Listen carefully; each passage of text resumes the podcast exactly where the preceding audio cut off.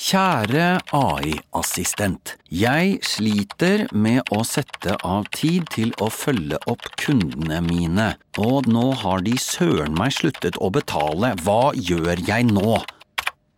Med Amili, en ny helhetlig løsning fra Visma, kan du automatisere bort de kjipe oppgavene og tilpasse fakturering og betalingsoppfølging for hver enkelt kunde. Og det beste av alt, du får raskere betalt. Amili?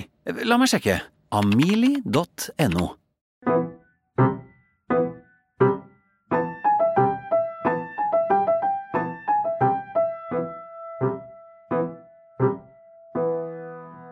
Hei og velkommen til podkasten Frilanslivet, som lages av min kollega Hanna von Bergen og meg, Kristina Skreiberg.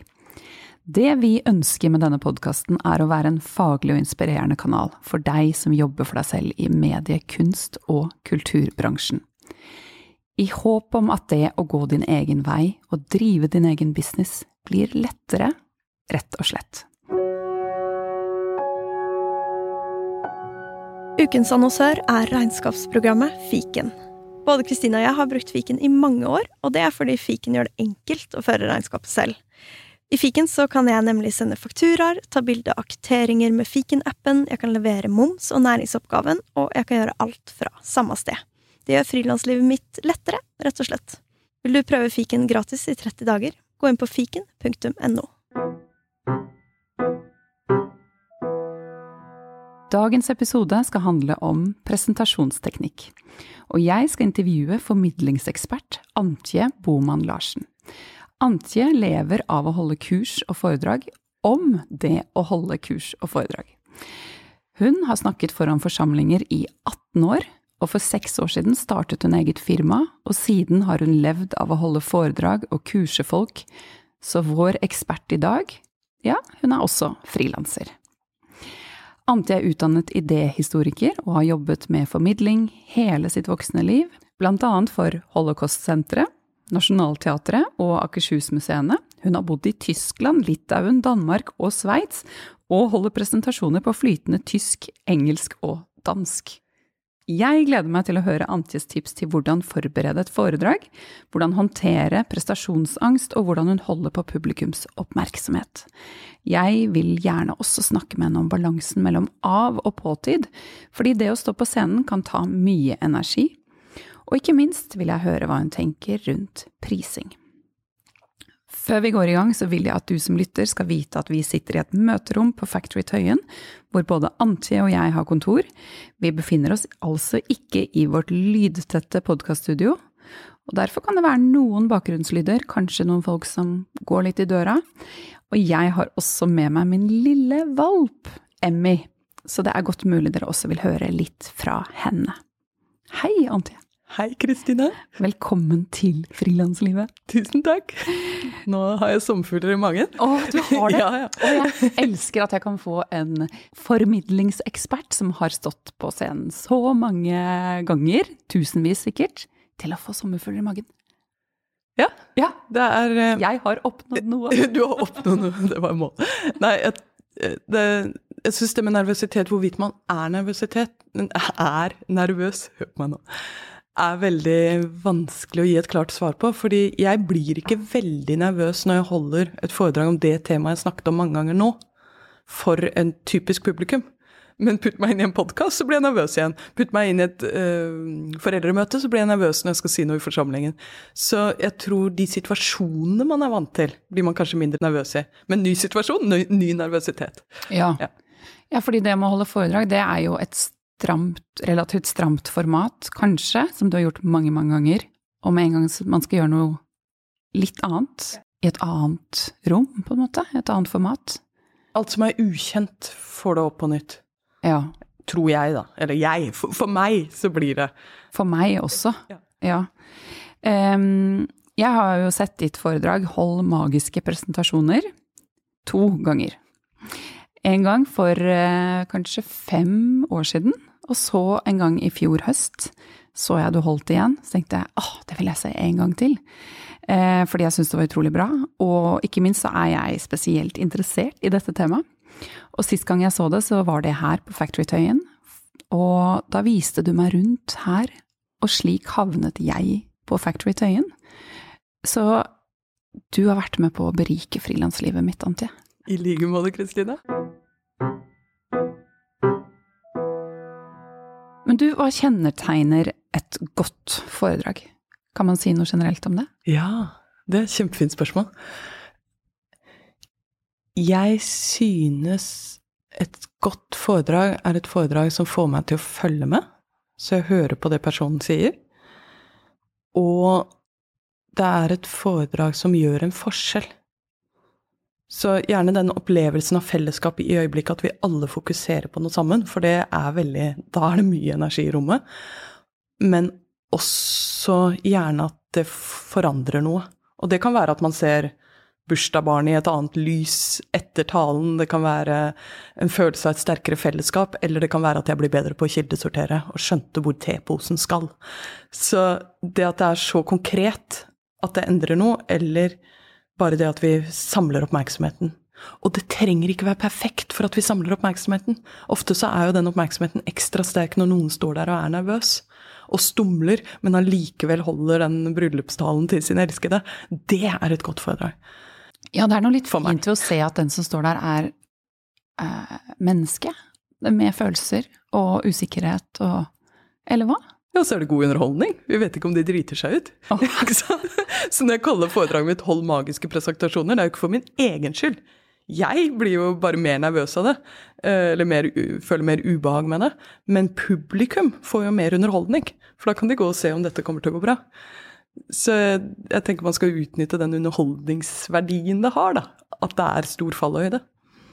Jeg tenker nå at vi kanskje kan starte kronologisk, og begynne med tips til hvordan vi forbereder innholdet i en god presentasjon. Og så har jeg lyst til å dra oss videre til sånn prestasjonsangsten, og så når vi står der, og så videre. Mm. Men nå starter vi med forberedelsene. Eh, hvordan, eh, hvordan, går du i gang når du skal lage et, et foredrag som du kanskje ikke har holdt før? Ja, eh, først vil jeg bare si at forberedelsene er jo da prestasjonsangsten ofte begynner. Men vi, det, jeg har ett tips der som funker både i, i, forberedelsene og på scenen, så det kan vi komme tilbake til. Men eh, hvor jeg starter Ja, man kan jo få noia eh, bare av tanken. Ja, ja, det er, jo, noia er jo, det er jo derfor mange ikke forbereder seg, på grunn av noia. Men la oss starte med Ja, det, det første jeg gjør, bare sånn rent praktisk, hvis vi tar noiaen etterpå, er å se på hva er eh, Hvem er publikum? Fordi ordet formidler betyr mellomperson. Du er en mellomperson mellom budskapet og et publikum. Og det folk ofte da gjør, er at de forbereder seg mer på den delen de kjenner best, budskapet. Så de setter seg ned og gjør research. Ah, 'Jeg har ikke lest den artikkelen, og her kan jo noen vite noe bedre enn meg.' I stedet for å forberede seg på den biten som kanskje er ny, nemlig publikum. Så jeg starter nesten alltid med et møte med de eh, som har bedt meg om å snakke, eller dra på den arbeidsplassen hvis det er intern bedriftsforedrag, og ser dem og prøver å prate med så mange av dem. Eller hvis det er et åpent foredrag, så bare snakker jeg med noen. Dette skal jeg snakke om. Eh, hva er du opptatt av da? Og da sier de ofte prestasjonsangst. Og så blir jeg liksom realitetsorientert på at folk er fortsatt opptatt av prestasjonsangst. Selv om jeg har snakket om dette hundre ganger, så er det noe nytt. Så er det samme tingen publikum vil vite. Så jeg syns det er den beste starten.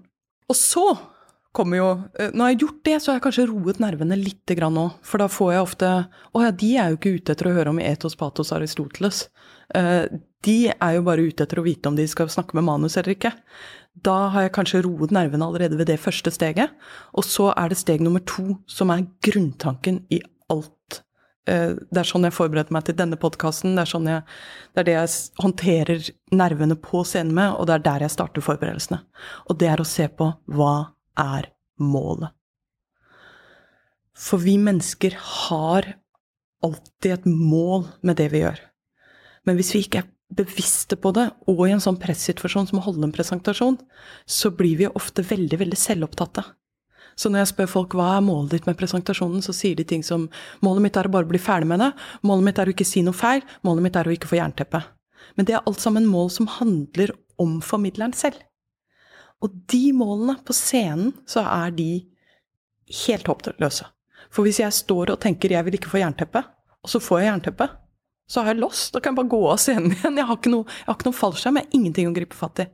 Så det jeg jobber med først, etter å ha snakket med um, de jeg skal snakke for, er å finne ut hva kan hensikten med denne presentasjonen være som ikke handler om hvordan jeg fremstår.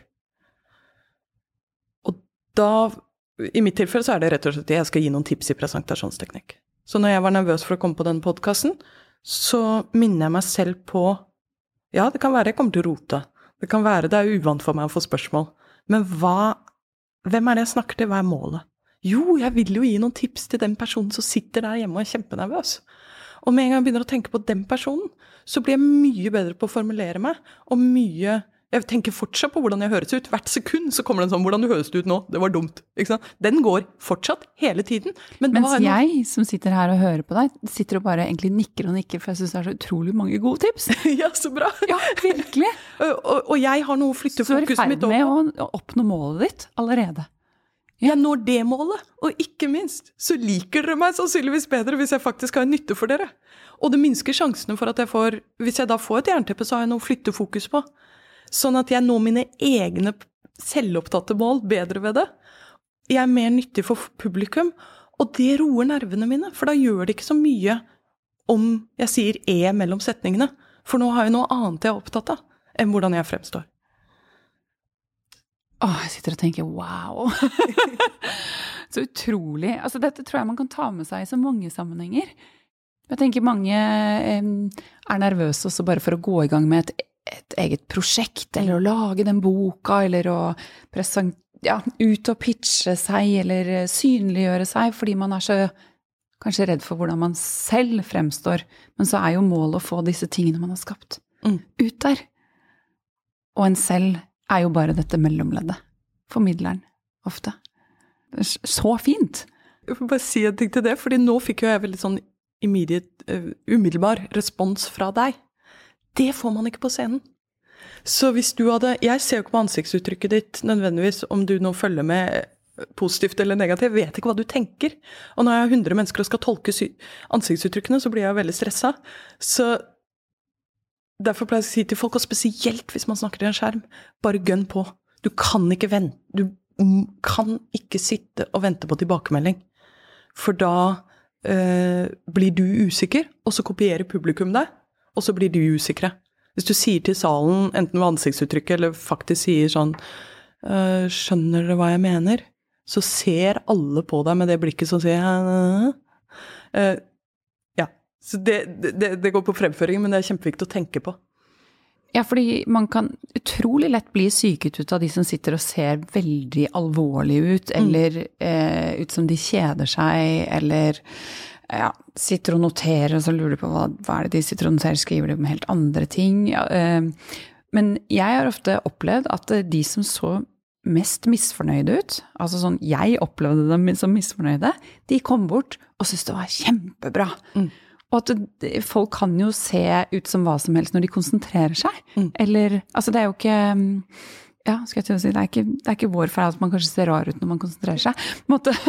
Men, eh, nei, men det er så lett å misfolke folks uh, uttrykk. Det er alltid én. Det er alltid én som har et sånt negativt uttrykk. Uh, og når du ser den, én, to, tre, uh, så, kan du bare si 'Å, nå har jeg oppdaget den personen i salen'. De sitter alltid på første eller andre sal, rad. Og de er ofte de som kommer bort etterpå og er fornøyde.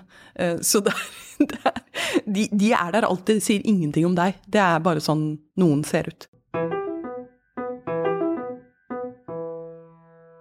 Men når man sitter og forbereder seg, så vil man jo gjerne ha med veldig mye. Mm. Hvordan jobber du med å spisse budskapet ditt?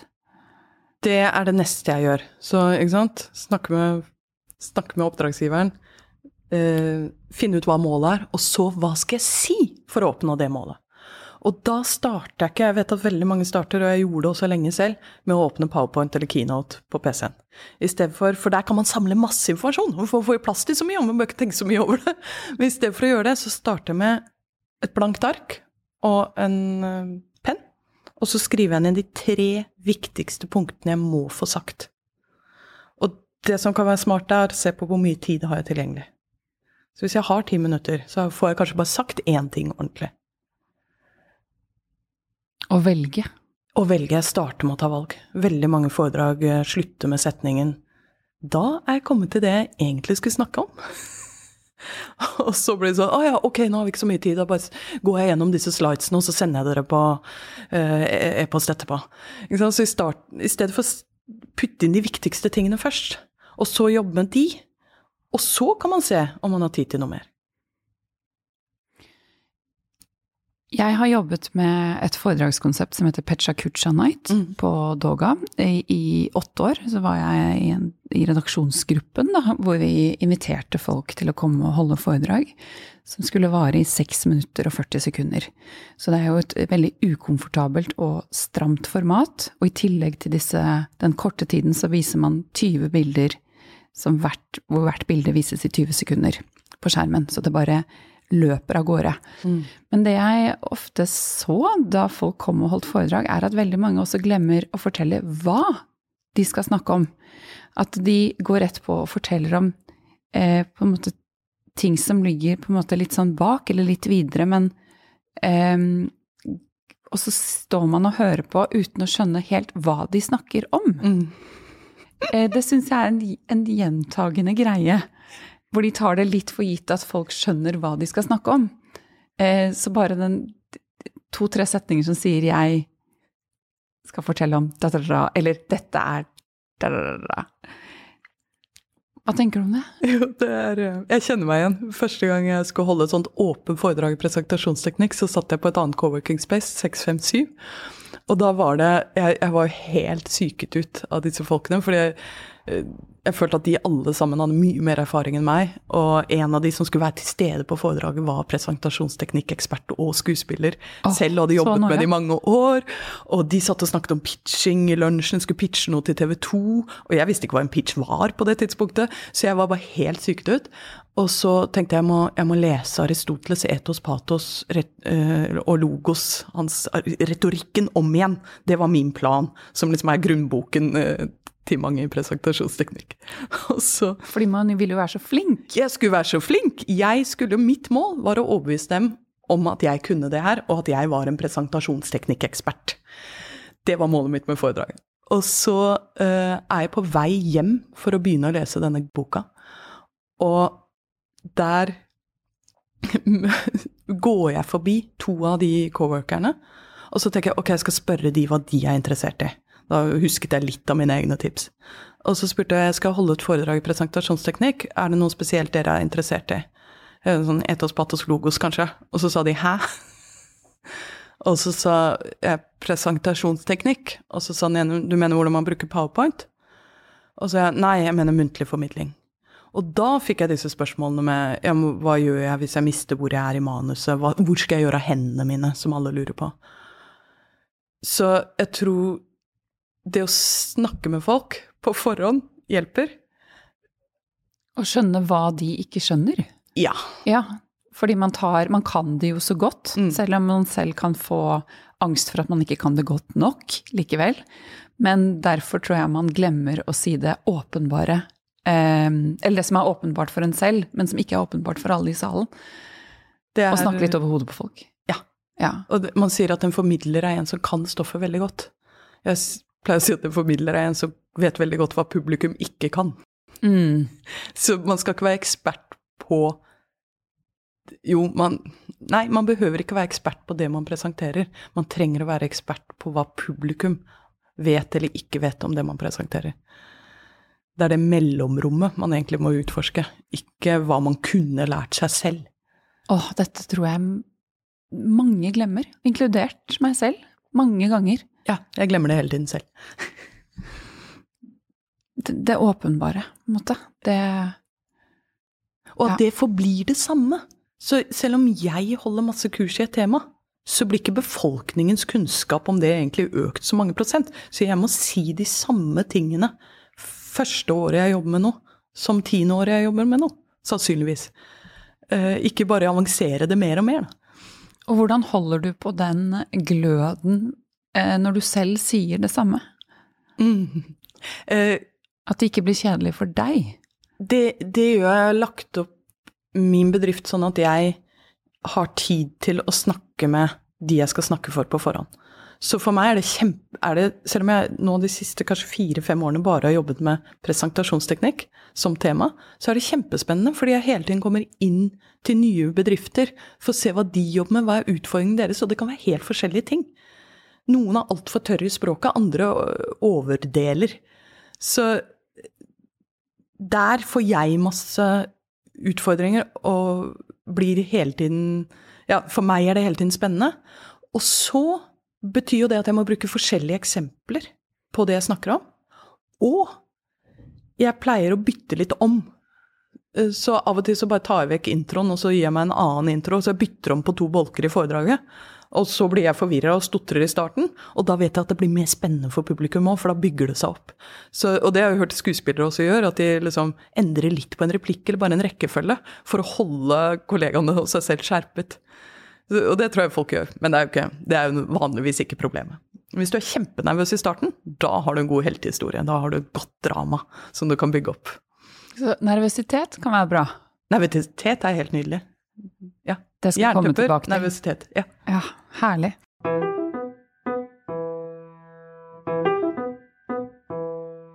Når du så har notert f.eks. da tre punkter du vil fokusere på, du har mm. spisset det inn på det, mm. og du f.eks. la oss ta Pecha Kucha som en, et eksempel her, og skal holde et innlegg på seks minutter f.eks. og 40 sekunder. Mm. Hvordan går du videre? Nei, det Jeg tenker det viktigste å øve seg på da, er å snakke. For det er jo snakke man skal gjøre. Så øh, nå vet jeg ikke helt med de 20 powerpoint-slidene på seks minutter, det har jeg ikke prøvd selv, men jeg ville startet med det muntlige. Og forberede meg muntlig til en muntlig presentasjon. Så da ser jeg på de tre punktene, og så tenker jeg på hvordan skal jeg få sagt det her. For det holder ikke bare å si noe. Hvis jeg sier 'vær tidlig ute', 'forbered deg godt', så de tipsene har vi hørt tusen ganger. Det er ikke sikkert vi begynner å gjøre det av den grunn vi er omgitt av budskap hele tiden. Uh, datteren min har et leketøy hvor det står 'believe in yourself' på det. Mm. Hun har ikke fått noe høyere selvtillit av den grunn. Believe. Yeah. Believe. Mm. Plutselig er vi alle kurert. ikke ha angst. Å nei. Det gjelder bare å ta det med ro, nyte øyeblikket. Altså, De tingene gjør ikke noen forskjell. Så du kan si masse, masse, masse på seks minutter. Det kommer bare ikke til å endre verden.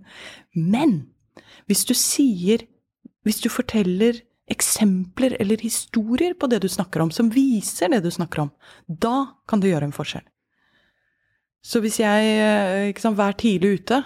Hvis jeg da forteller at i dag så hadde jeg litt dårlig tid på morgenen, og så skal jeg så viste det at datteren min var blitt forkjølet, så jeg måtte levere henne hos faren.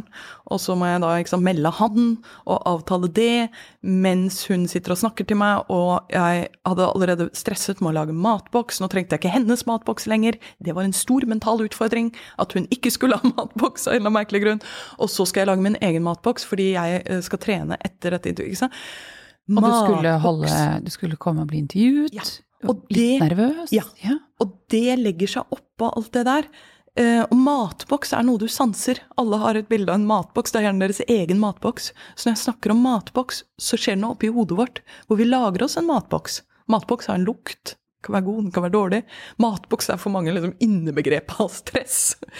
Sånn at når vi har snakket om det, så har jeg med meg sansene til de som er der. Og når jeg da forteller at vi kommer inn her, og så har hun, og så har vi tid til å sette oss ned og snakke litt, du og jeg. Og jeg fikk tatt av meg skjerfet. Og jeg fikk lagt frem uh, lommepapir og en hostetablett i tilfelle jeg skulle få noe i halsen. Så sanseliggjør jeg det jeg snakker om. Og det neste steget når jeg har tre punkter, er å sanseliggjøre det med eksempler. Gjerne historier, men det holder bare å gi et eksempel på det vi snakker om. Og da tar det plutselig mer tid, og så snakker jeg meg gjennom fra start til slutt og tar da tiden. I starten så tar det sikkert tre timer i stedet for seks minutter, og det er noe ræl. Og så gjør jeg det igjen dagen etter, etter å ha sovet på det. Og da begynner det å nærme seg, og så gjør jeg det igjen dagen etter. Og med seks minutter kan du snakke deg ganske mange ganger igjennom. Og sørge for at du økonomiserer med ordene, men allikevel fortalt det eksempelet, og få frem de punktene. Og så kan det være jeg også sier hver tidlig ute' 'believe in yourself' på slutten og starten og 'I have a dream'. Yes. Men vi mm. trenger eksemplene også. Så jeg ser på de tre punktene som frø som skal blomstre, og det lar jeg de gjøre mens jeg prater meg gjennom det. Jeg har holdt Becha Kucha to ganger selv, og følte at det var en ut av kroppen-opplevelse, selv om jeg har stått på den scenen som konferansier eh, 20-30 ganger opp gjennom årene og kjenner formatet inn og ut. Eh, men det kjentes helt vilt, som om jeg ble tatt over av en ånd, og ja, eller hva man skal beskrive det som, og tiden bare løp av gårde, og plutselig var jeg spyttet ut av munnen til den eh, dragen eller ånden eller ja, mm. og endte ut på andre siden uten å egentlig eh, helt ha skjønt hva som skjedde mens jeg sto der. Eh, så det er et uh, utrolig spesielt eh, format. Men eh, den andre gangen jeg sto der, så holdt jeg foredrag om en bok jeg har laget, eller et dokumentarprosjekt, som handler om mine 20 naboer i en blokk på Tøyen.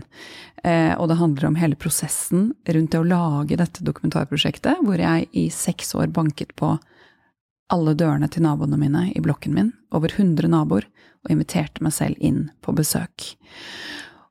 Og her er det jo masse historiefortelling og mange eh, mange naboer å fortelle om. Det er nok av historier å velge fra.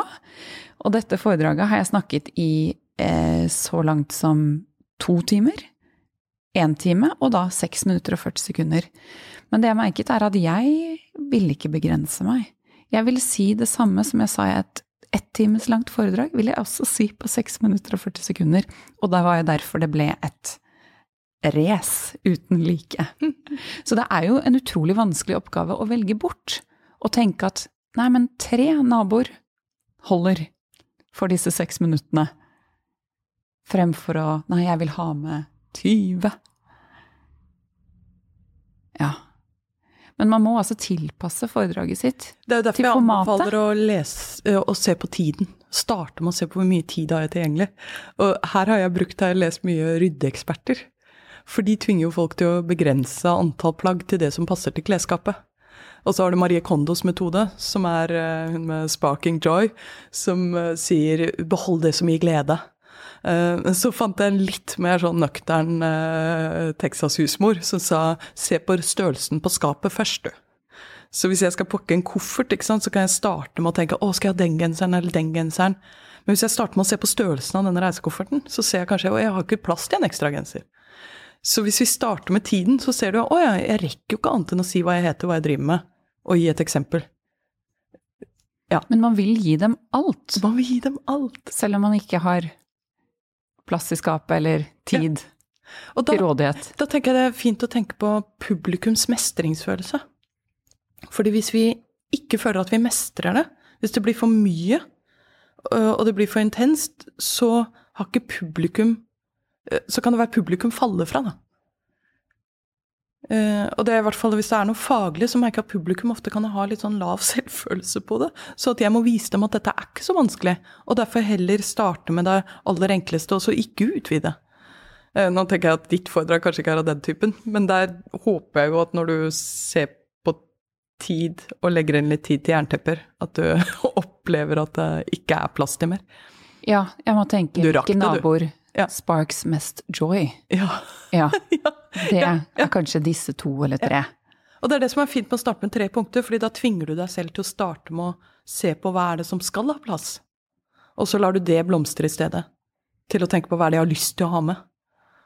Og dette tenker jeg er relevant også om man er eh, en som ja, er gjesteforeleser eller holder kurs eller Altså, for man eh, vil jo gjerne gi de som kommer, alt. Mm. Eh, eller eh, man vil vise at man kan alt, og man vil at de skal få så mye som mulig i løpet av den tiden. Men eh, kvalitet over kvantitet, da, kanskje. Mm. Altså, Velge. Ja. Jeg er minimalist. Og ikke overvelde de som sitter der. Nei, det handler jo om hva er det de Det handler ikke om hva du rekker å si, det handler om hva de rekker å ta inn. Er det noen som har hørt noen ting som helst om faktura 100374? Venter fortsatt på innbetaling fra 100330, og en hel haug andre som er langt over forfall. Ja, men De pengene de må inn på konto nå! Vi skal jo investere nytt utstyr! Vent litt, og pust med magen. Med Amili, en ny helhetlig løsning fra Visma, får du alt du trenger for raskere betaling og rom for å gjøre de investeringene som trengs. Og det beste av alt, Du kan bruke tiden mer verdifullt. Se hvordan på amelie.no.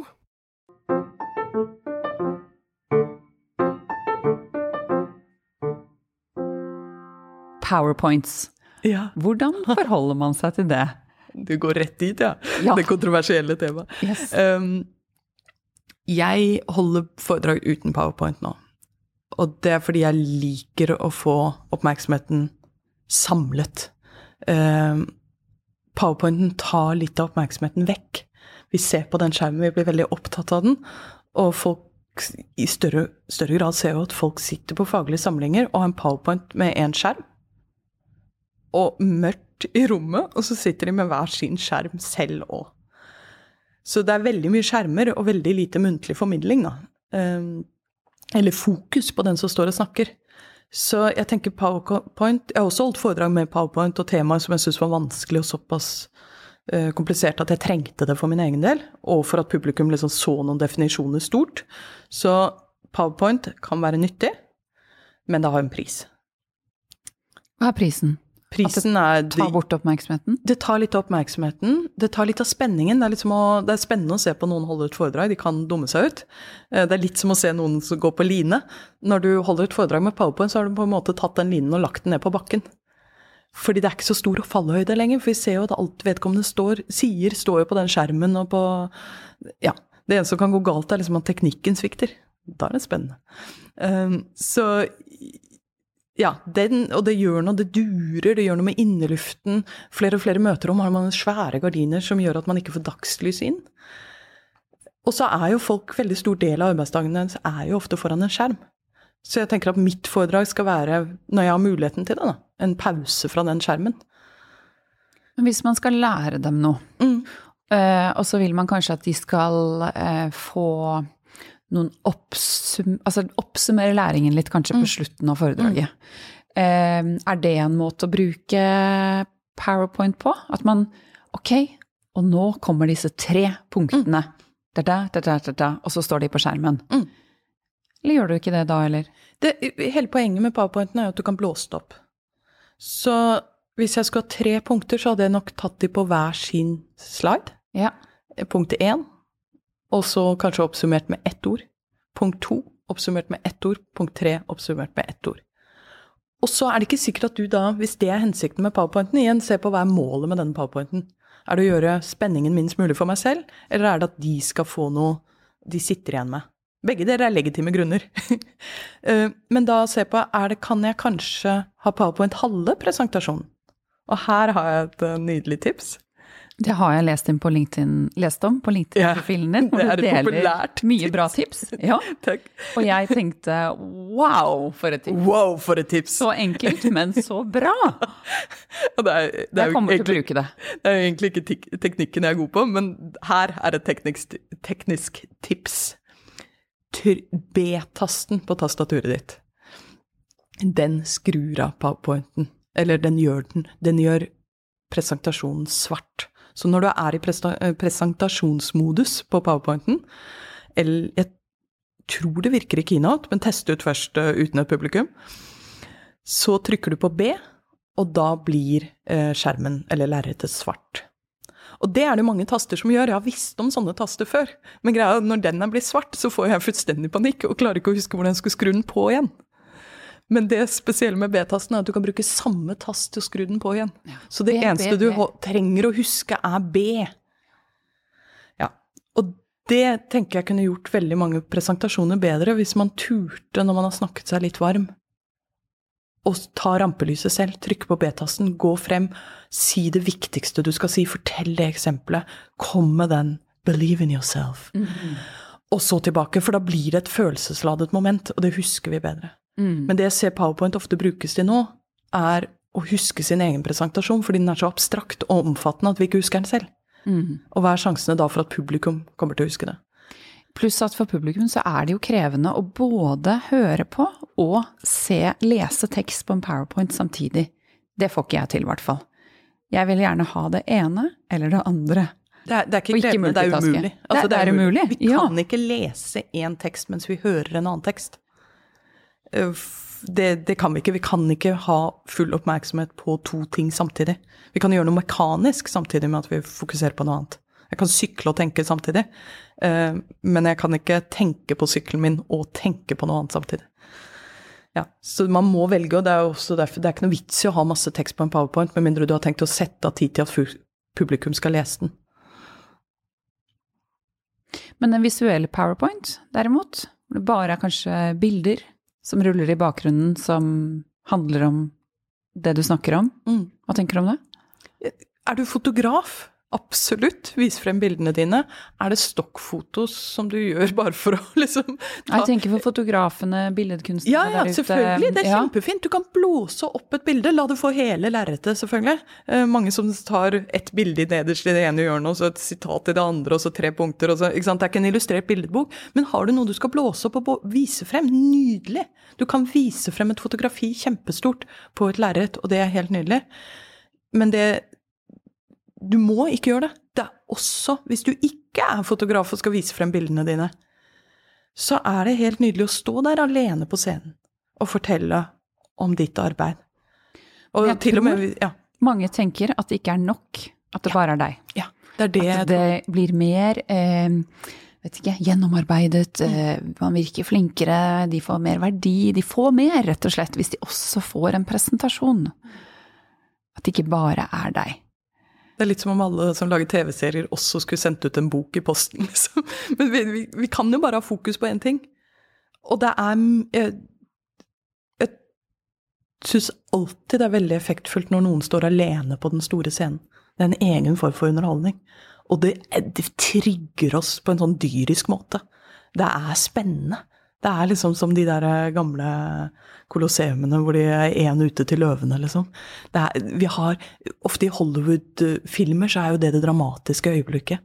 Når de står alene, stotrer, mikrofonen piper.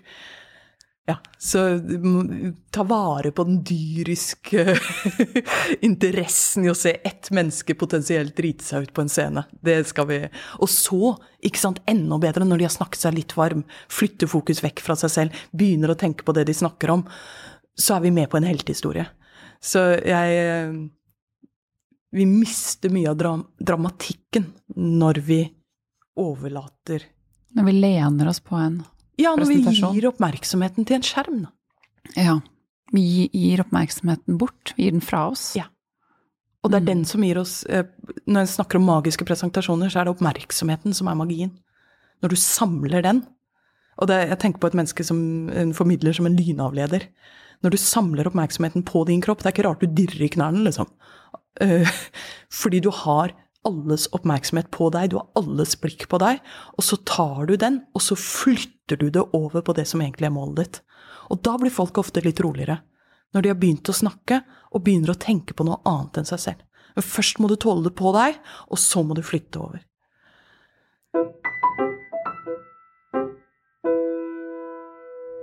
Jeg tenker vi kan hoppe litt videre på prestasjonsangst, jeg. Mm. Em, hvordan håndterer du din? Hvordan håndterer jeg prestasjonsangsten min? Eh, Jeg setter av tid til den. Nå blir jeg ikke Etter eh, koronatiltakene så hadde jeg liksom mye tid, og da når jeg kom tilbake da og begynte å holde foredrag igjen, så ble jeg ikke så nervøs. Det merket jeg gjorde en forskjell. Men det at jeg ikke blir nervøs, betyr ikke at jeg ikke er spent, eller at det ikke tar energi. Så helt uavhengig om jeg tenker på det som nervøsitet eller spenning eller konsentrasjon, så setter jeg av tid til det. Jeg skal ha tid Jeg kan Det skal være rom for det, da. Så dagen før en presentasjon, så da skal det ikke være masse som skjer, helst. Eh, Da skal jeg ha tid til å legge frem antrekket, gjerne to dager før. Jeg planlegger hva jeg skal ha på meg. Jeg ehm, drar jeg ofte dit jeg skal holde presentasjonen. Skulle jeg holdt en Pezza Cuccia, så hadde jeg nok dratt og sett på salen på forhånd. Og øvd meg i salen, i rommet. Og da slipper jeg den store, den største trusselen mot foredrag. Det er ikke powerpointen, men at man faktisk ikke møter opp fordi man tok feil adresse. Eller feil by. Um, så det å ha vært på stedet på forhånd, løst en del av de praktiske tingene, funnet ut hvilken buss jeg tar, øh, funnet sykkelveien, og sette av masse tid ekstra Det er min måte å håndtere mine nerver på. Og så bare regne med det. Jeg regner Ta med at jeg blir nervøs. Ja. Ja. Mm. Ja, det å besøke rommet før, det, det, det tipset har jeg lært av deg, og Mm. det har hjulpet veldig for meg. Å kjenne at her har jeg vært før. Hele kroppen min kjenner det når de kommer inn da, eller kommer dit igjen. Her har jeg stått før. Jeg har sett utover publikum, eller utover disse stolene fra denne vinkelen før. Jeg vet hvordan det er å stå her. Mm. Og det gjør det også så mye lettere å visualisere, eller se for meg, etter at jeg har vært i det rommet, se for meg at jeg står der, når jeg mentalt måtte forberede meg til at dette skal skje. Men det er veldig mye å tenke på hvis du både skal visualisere, forberede. Du gjør det mye lettere for hjernen hvis du faktisk har sett lokalet og tatt tiden. Eh, og jeg har jo av og til valgt ut eksempler og historier, eller som jeg har brukt mange ganger, da. Eh, og så står jeg plutselig foran en gruppe 16-åringer, og så merker jeg å, den historien var kanskje ikke egna i skolens aula. Men hvis jeg har vært på skolens aula og sett hvor gamle elevene er på forhånd, så, så blir jeg minnet på at vi bør ikke begynne med den Tequila-historien. Ja. Altså, jeg nå elsker å formidle fra en scene, og har holdt mange foredrag, og vært konferansier kanskje 40 ganger. Og leder debatter, og sammen med Hanna så holder vi kurs i regi av Frilanslivet. Og ja, jeg er gjesteforeleser innen journalistikk, osv., osv. Og og det syns jeg er kjempegøy. Men da jeg holdt mitt aller, aller første foredrag på en konferanse for flere år siden, så var jeg så nervøs at jeg knapt sov i en uke, og jeg kjente at jeg nesten sånn dirret i kroppen, sommerfugler i magen, altså over en uke. Mm. Og jeg hatet tanken på at jeg skulle gjøre det. Det mm, så da ville jeg jo aldri trodd at dette er noe jeg kommer til, å- kommer til å like en dag. Mm. Um, så for meg har jo på en måte den eksponeringsterapien, at jeg har gjort det flere ganger, funket veldig godt. Men tror du det Er det noe som funker for alle? Eller tror du det er noen som bare aldri kommer til å nyte å holde foredrag? Mm.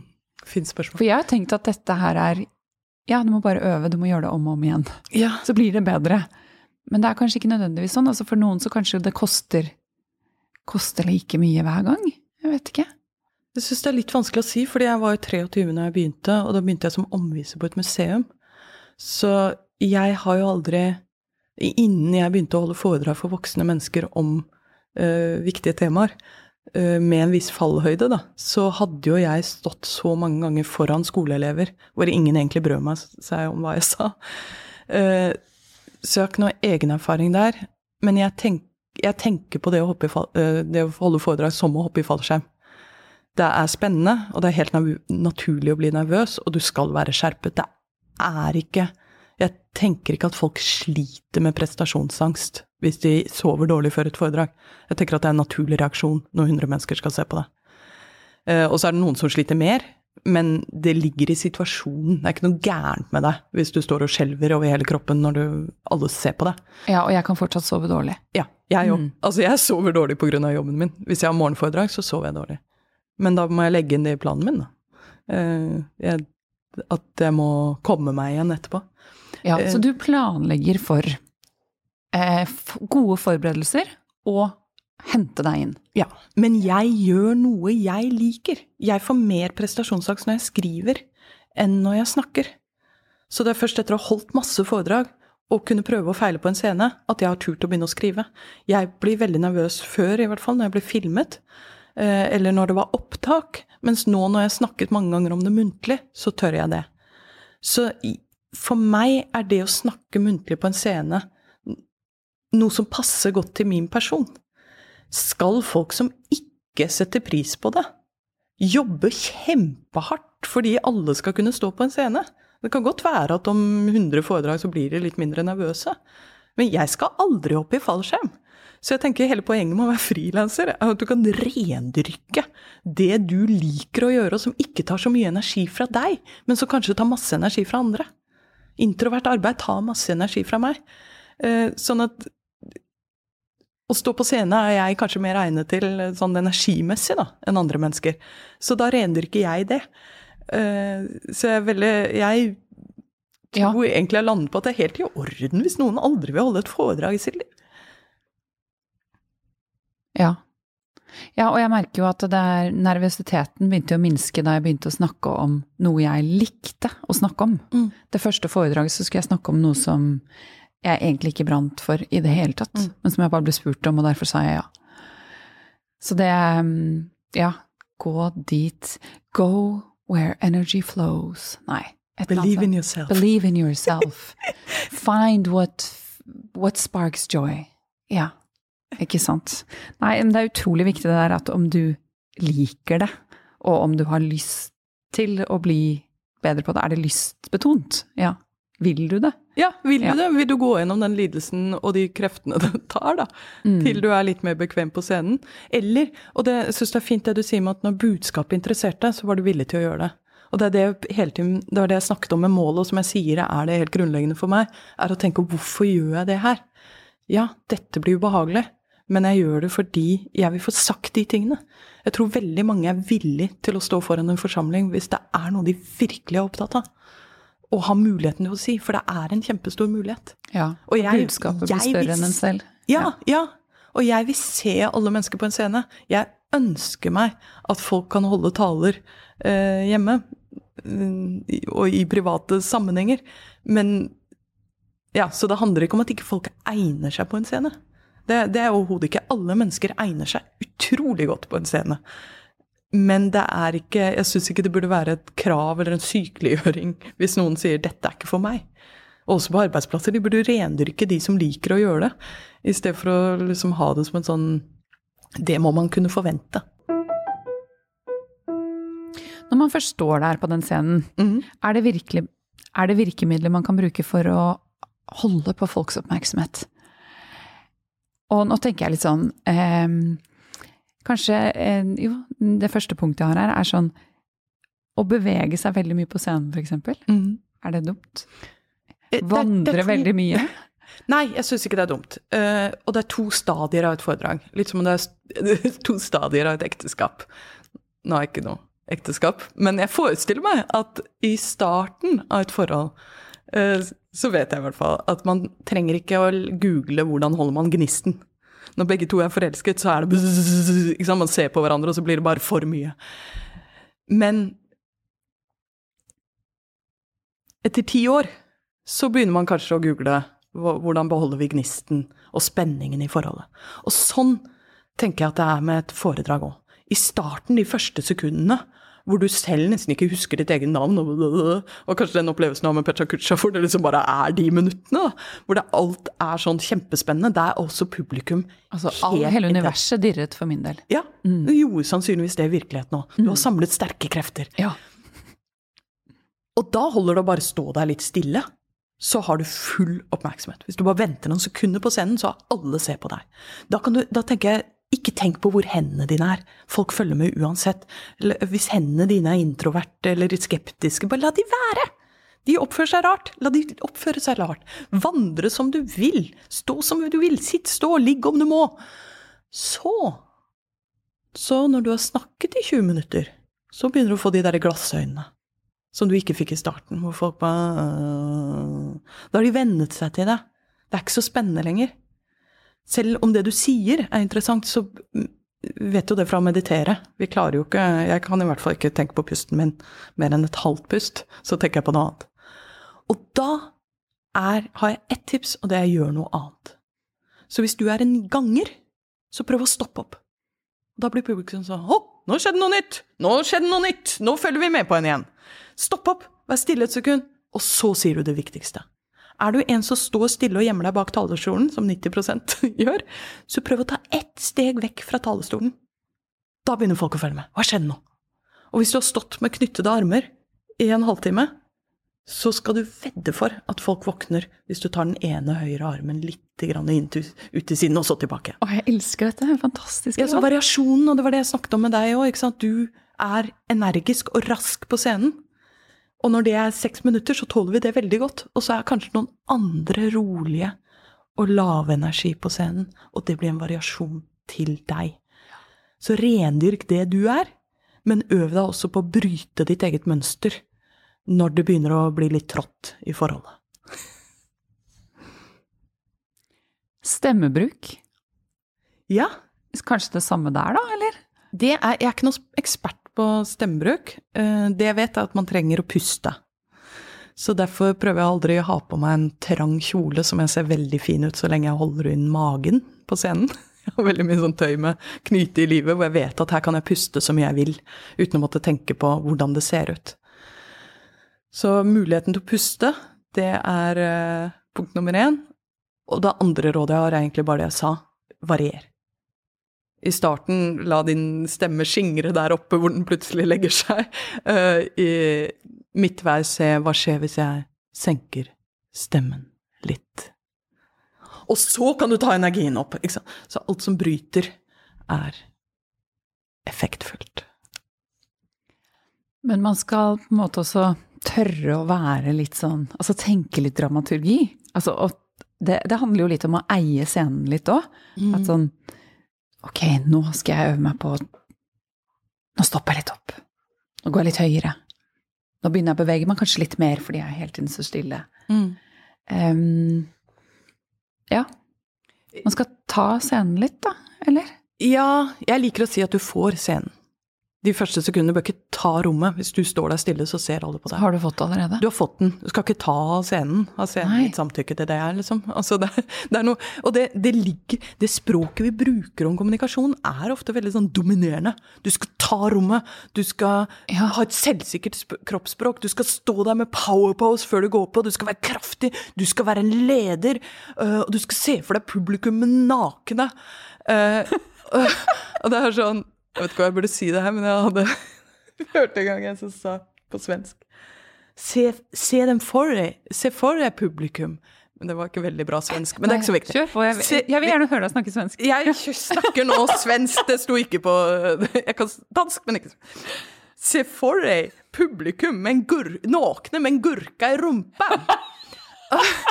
Og det føler jeg er sånn ultimate bilde på eh, nærmest SM-opplegg, da. Hvor du Det handler ikke om sårbar eller autentisk kommunikasjon eller connection og tilhørighet mellom publikum og den som står på scenen. Det handler om at jeg føler meg sårbar. Så jeg skal dominere dere og se for meg dere i en enda mer sårbar posisjon. Ja. og jeg tror det er Jeg husker ikke hva spørsmålet var. Jo, skal ta rommet? Ja. Jo, men det er jo sant, så må man være så du sier, og språkbruken rundt Ja. det, hvor jeg bare Ja, man ta scenen. Ja. Nei, jeg tenker ja. Jeg er litt sånn dramatisk. Men jeg vet jo at det blir litt slitsomt for enkelte mennesker. Det er ikke alle som liker å være på inspirasjonsforedrag med Petter Stordalen, meg og Kristine Koht på én dag. Ikke at det har skjedd, tror jeg, men okay, Eller vet jeg. som et veldig bra opplegg. Ja, ja, kanskje for deg. Jeg kommer! Du kommer, og så er vi alle veldig inspirert, og alle i salgsavdelingen syns det var kjempebra. ikke sant? Mens de på, på ingeniøren og på regnskap og eh, alle på faglig avdeling sitter og Ko, dette ble litt mye, takk. Så hvis du er Hvis du vet med deg selv at du har ikke et italiensk kroppsspråk, og du er ikke den som stirrer rett ut i salen hele tiden, så bra! Det er kjempefint, fordi alle salen setter pris på det. Og du kan fortsatt variere deg selv. Det bør ikke være store variasjoner. Men jeg syns det er så fint, eh, for- det du beskriver her, er jo at man får lov til å være seg selv. Em, For jeg har hatt litt inntrykk av at det er en slags sånn oppskrift. Eh, Du, du burde snakke sånn, eller du burde stå rolig, og så kan du bevege deg Mm. Litt mellom eh, poengene dine, og så må du stå rolig igjen. Mm. Men det du sier her, er jo at man kan være seg selv. Ja. det har tatt eh, Det har tatt lederutviklerne langt å komme dit, men nå har de kommet frem til at eh, det er ikke liksom fasaden som gjør oss til gode kommunikatører, da. Det han, før så var man veldig sånn en dyr dress og en dyr klokke, og det å være imponerende var det som gjorde oss til gode gode mennesker eller gode ledere eller gode forbilder eller gode formidlere.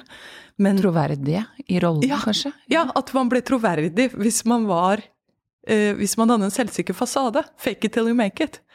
Men sjokkerende nok, da, så har man jo nå begynt å se at Eller nå går mer trenden i retning av at det, det å være autentisk, og det å vise hva man faktisk føler, og det å tørre å være sårbar, er det som fungerer. Også for ledere, også for formidlere. Og eh, det er en ledelsesforsker, Frances Frey, hun har en veldig god Frances Frey, hun har en veldig god pod, eh, TED-talk, hvor hun snakker om at vi får tillit til folk når de er seg selv. Så det å tørre å si, ikke bare være seg selv sånn som publikum er, men være seg selv sånn som jeg er. Ikke late som om jeg er sånn som alle andre. Det gir folk tillit igjen. Så øh, hun er gift med en kvinne, hun bruker det som eksempel, at det er bedre å si 'jeg er gift med en kvinne', selv om ikke alle damene i publikum er gift med kvinner. Så gir det dem allikevel en tillit til henne når de ser hvem hun er, og skjønner hvem hun er. Mens før var det veldig sånn du skal bare ligne på de du snakker til. Eh, Jeg vil heller si vær, ja, vær deg selv, bruk personlige eksempler, og ikke lat som om du er mer energisk eller dramatisk enn du er. For det er jo bare å forråde seg selv på scenen. Eh, Vi elsker å se rolige, nøkterne personer på scenen.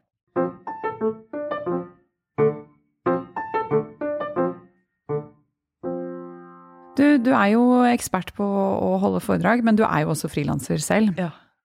Og jeg vil gjerne høre litt om hvordan du legger opp din frilansvirksomhet som foredragsholder. Hvor mange foredrag holder du i løpet av en måned? Måned, det er jo veldig opp til kundene eh, når folk vil ha foredrag. Eh, og det er høysesonger og det er lavsesonger. Og, eh, jeg er jo bare én person, så jeg vet jo nesten ikke om de høysesongene og lavsesongene bare er noe jeg innbiller meg, eller om de er eh, over hele linja.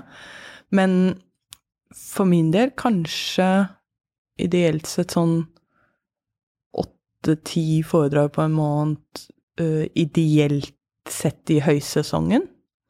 Men da vil jeg også ha lavsesonger. Så jeg To-tre foredrag i uka, da trenger jeg at det er rolig etterpå. Men det varierer. I starten så ble jeg mye mer sliten fordi det var nytt stoff og nye ting. Nå tåler jeg flere og flere foredrag. Men helt, for meg er det helt fint å ha ett foredrag på en uke. Det syns jeg er en passe. Fordi jeg skal sette meg inn i det, jeg skal tenke på det.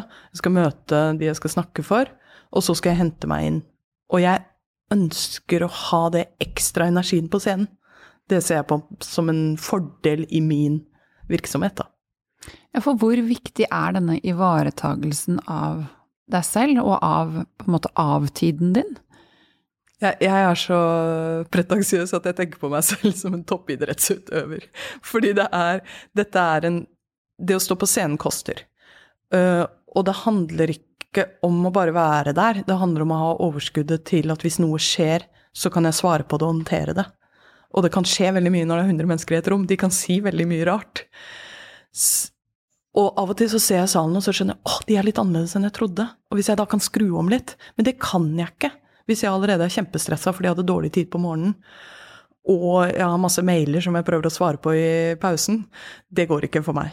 Så jeg tenker på restitusjonstid er kjempeviktig, og mengdetrening er kjempeviktig. Å, være, å gjøre ting som er sunt for hjernen min. Så jeg, jeg tror faktisk jeg tenker på nesten alt jeg gjør vekk fra en PC tenker jeg på som arbeidstid. Så gå en tur i skogen med en venn, det er kjempebra for hjernen min. Bevegelse, natur og sosialisering. Å sitte og svare på mailer er egentlig ikke så veldig bra for hjernen min. Det å sitte på skjerm hvor det skjer ting hele tiden, pom, pom, pom, er ikke bra for konsentrasjonen. Så det svekker min evne til å forberede meg og kunne konsentrere meg over lang, lengre perioder. Og min evne til å ha lange tankelinjer oppi huet. Så det, det, prøver jeg å unngå mest mulig, da. Så jeg har lagt opp Jeg legger opp nesten som foredragene. Hva er de tre viktigste tingene?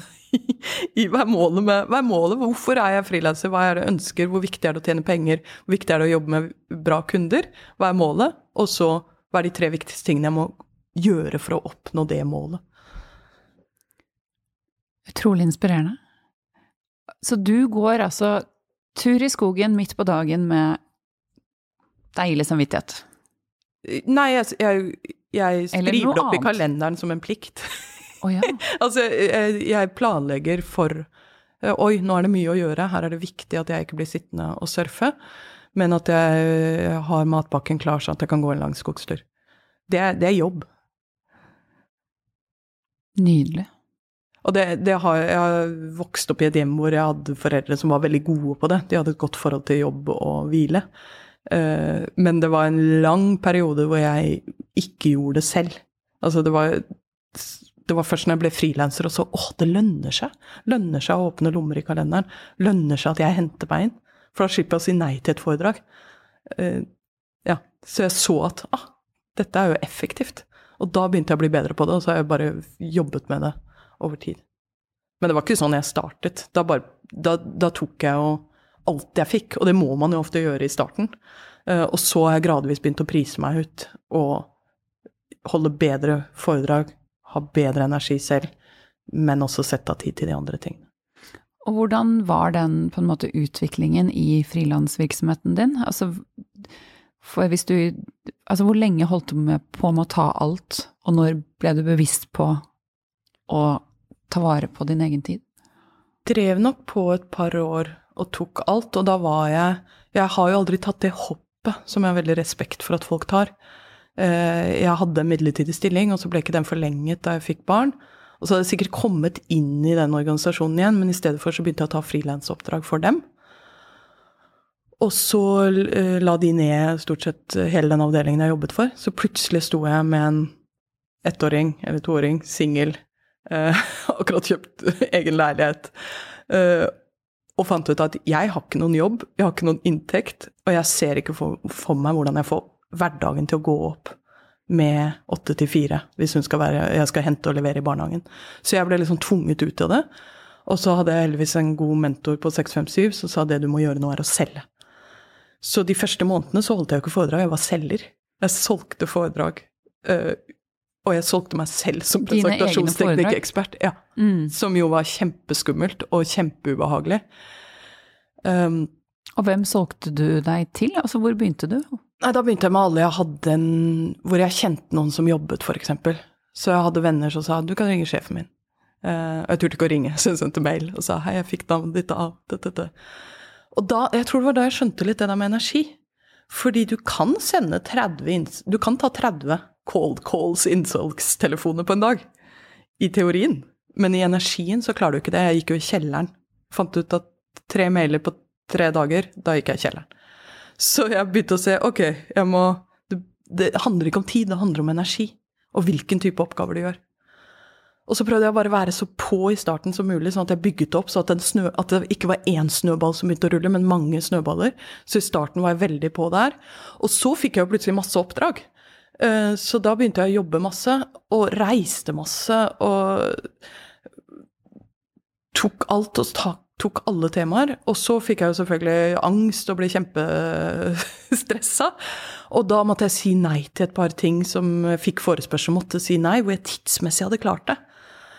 Og så begynte jeg å liksom ta en sånn Ok, hva er det hva er det lettest for meg å snakke om? Presentasjonsteknikk. Det er også det mest populære. Da er det det jeg fokuserer på. Og så er det ikke en selvfølge å skulle holde fire foredrag i løpet av en uke. Det, det blir jeg sliten av. Og det ble jeg nesten overrasket av. Kan man ikke det? Kan, kan Folk jobber jo åtte timer om dagen. Ja. Ja, altså det, jeg kan ikke jobbe åtte timer om dagen, og jeg kan i hvert fall ikke holde foredrag hver dag. Så da begynte jeg å bli mer kresen, og så De tiltakene som nektet meg å jobbe da, kom et år etter det, og det var jo en gudegave for meg. For da eh, Ikke for resten av verden, men da fikk jeg muligheten til å eh, ta det helt ned og se hva det gjorde med meg når jeg tok ordentlig pause. Og så begynte jeg å skrive i stedet. Og når jeg da begynte å holde foredrag, så merket jeg at jeg har mye bedre eksempler, jeg har mye mer energi, jeg har mye mer glede. Og nå har jeg jo drevet på noen år, så nå er jeg jo Nå nyter jeg så godt av det slitet i starten, da. Så ja. Så det er jo ikke Hadde jeg startet der, så vet jeg ikke om jeg hadde klart å bygge en karriere. Men man må definitivt stoppe opp et tidspunkt eh, og tenke nå priser jeg meg ut av en del ting, og nå velger jeg vekk en del ting. Men jeg, jeg skal ikke gjøre narr av hun i starten som jobbet eh, så hardt hun kunne og sa ja til alt, for det er jo takket være henne at jeg har det sånn nå. Ja, for en innsats hun gjorde. For en innsats hun gjorde! Og så er det lett å si ja, du kunne jo tatt litt med ro, da. Eh, Men det, det var Ja. ikke så lett for henne. Ja, og det er jo lett å snakke om sånn å, man må begrense seg og si nei, så videre. Men en start innebærer jo gjerne akkurat det der. Og at det gjerne legger grunnlaget for at man etter hvert sier nei og kan begrense seg. Men eh, du var inne på det, altså prising og ta seg betalt. Eh, fordi det er jo eh, dette, Det å kunne ta seg fri henger jo sammen med å tjene godt nok. Mm. Så hvordan navigerer man i foredragsfeltet når man skal finne sin pris? Mm. Fordi det er- et stort spenn der ute, er det ikke det? Det er et veldig stort spenn, og det var noe av det vanskeligste første året, som jeg brukte masse tid på. Hvor skal jeg prise meg? Og hva er Jeg husker jeg gikk rundt og spurte alle hva, hva syns du er normalt å ta for et foredrag? Um, og, og det er en av de tingene som gjør starten så vanskelig, da, en frilanskarriere, fordi det er sånne ting du ikke vet ennå. Nå vet jeg at det finnes ikke én pris på et foredrag overhodet. Det er et kjempestort spenn. Og jeg vet også at det var naturlig Det var nødvendig for meg å ikke ta så godt betalt i starten, for da ble jeg ikke så nervøs. Og så husker jeg hadde et sånt år hvor jeg tenkte jeg burde sette opp prisene snart, men jeg orker ikke nå. Så nå lar jeg det bare gå for dette. Eh, Så liksom, Ja, for man skal jo leve opp til den verdien man har satt på seg selv. ja. Og jeg følte jeg tar sannsynligvis litt lite, men det får jeg heller være. Fordi jeg har ikke Det, det er noe med å forhandle med angsten sin i de der første årene òg. Um, men det finnes jeg, jeg tenker at det å bruke tid på å sette pris, det er, kan man forsvare veldig godt, da. Jeg tenkte ikke det i starten. av sånn, å, jeg kan jo ikke bruke tiden på å sette pris, det er jo ikke det som er det viktige, jeg burde jo gjort dette for et halvt år siden. Men det er det å gradvis prise seg ut av det markedet som ikke passer til en. Det tror jeg er veldig viktig. Men det er ingen pris du setter for et foredrag hvor ikke noen kommer til å si at det er for dyrt. Eh, Noen syns 5000 er for dyrt for et foredrag. Norsk Forfattersentrum har minstehonorarer på sine nettsider som de justerer. Og der er det å skreddersy, lage et foredrag, det er 10 000 kroner minstepris for å holde det, og 6200 for eh, å holde et foredrag du har holdt før. Det er ikke markedsprisen. Eh, Profesjonelle foredragsholdere tar 10 20 30 eller til og med 40 50 000 for et foredrag. Så der handler det helt om å finne hvilken type foredragsholder vil man være. I landskapet av Ja. foredragsholdere. Ja, og hvor mye Så jeg legger meg ganske dyrt fordi jeg vil være en som leverer skikkelig kvalitet når folk først har samlet seg, og som har gjort research. Men jeg kunne jo heller tenkt jeg vil være en som holder, masse, for- holder det samme morsomme foredraget gang på gang, da. Eh, Det kunne jeg også gjort. Det, det tenker jeg er helt opp til en personlig å velge. Og jeg har veldig forståelse for at noen kanskje gjør det gratis, eller for bare noen tusenlapper, fordi de bruker det foredraget til å selge seg inn, eller de bare gjør det fordi de syns det er gøy og vil ha masse oppdrag.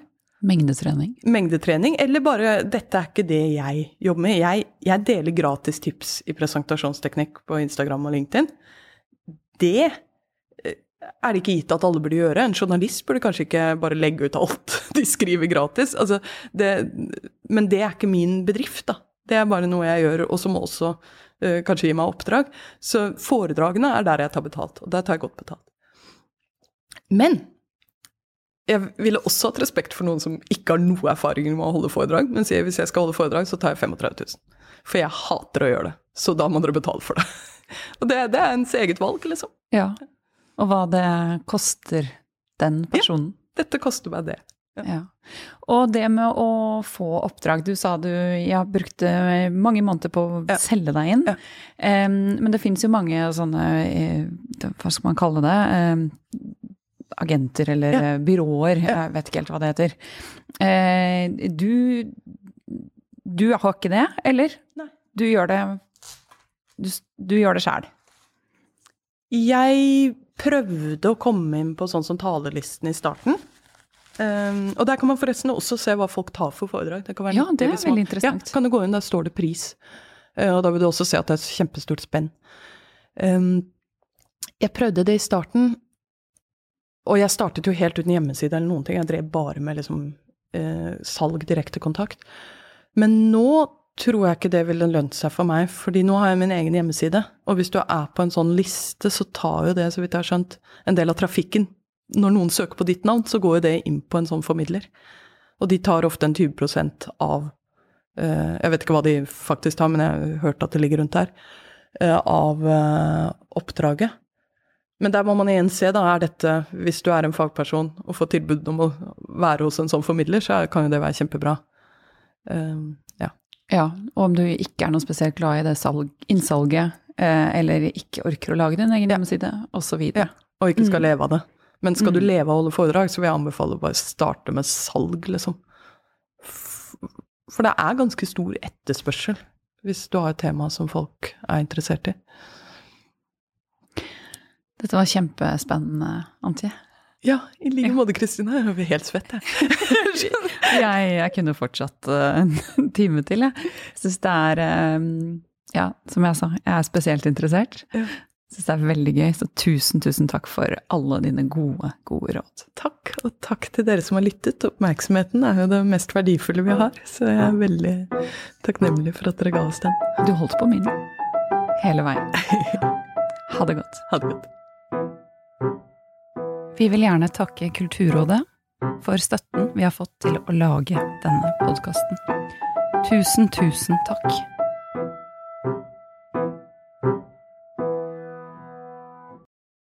Kiwi er billigst i VGs matbørs og har vært billigst i fire av de fem siste VGs matbørser.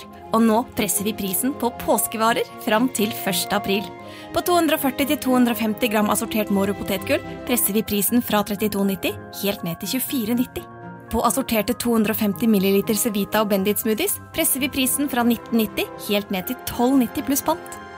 For det er vi som er prispresserne. Og vi i Kiwi gir oss aldri på pris.